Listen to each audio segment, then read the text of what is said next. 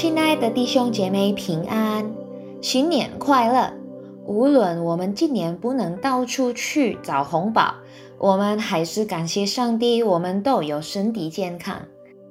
今天的门徒灵修取自于读经运动，我们要一起读诗篇第一百二十八章。我们先低头祷告，亲爱的主，感谢你的带领在我们生活上。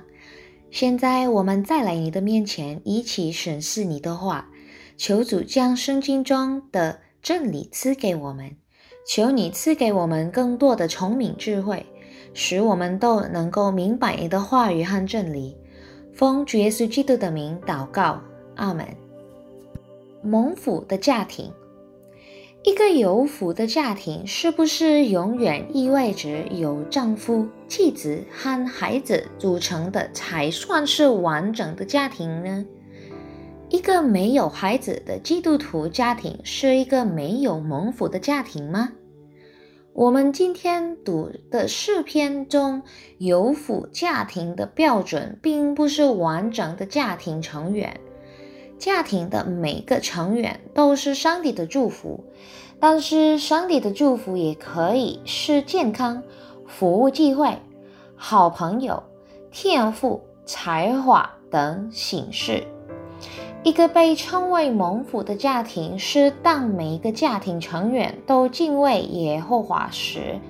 第一节，每个敬畏上帝的人变为有福。请注意。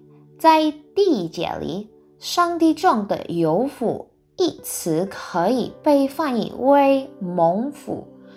如果每个人都活在敬畏上帝里，无论他的背景如何，包括种族背景和身体状况，他是有福的。活在敬畏上帝里是什么意思呢？诗篇第一百二十八章的作者以用词原语来解释：遵循他道的人，敬畏上帝意味着遵循上帝的道生活。敬畏上帝不仅与感情有关，而且还在生活中的行动和承诺有关。真正生活在敬畏上帝里的人，就是一个在每一次面对生活中的选择时，总是通过考虑上帝的意志来做出决定。无论是小事，甚至琐碎的事，他做出的决定总是要事先考虑他所做的选择是否和上帝的旨意。所写的事情如此，全是通过考虑上帝的旨意来决定的。一个敬畏上帝的人，就是一个愿意在生活的各个方面顺从上帝的人。对于这样的人，上帝应许他的祝福，上帝赐吃喝享福，以及吃他劳碌的来的成果。上帝可以祝福妻子和孩子的同在，上帝也可以与许多其他的事物赐福。然而，最重要的祝福就是认识耶稣基督，神的独生子，那深深爱着我们，以至于愿意为我们使命的救主。您和你的家属是否已得到了那最主要的祝福呢？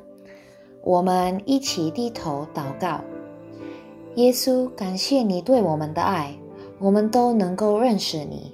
谢谢你在十字架上的牺牲，以除去我们的罪，让我们看见这就是最大的祝福。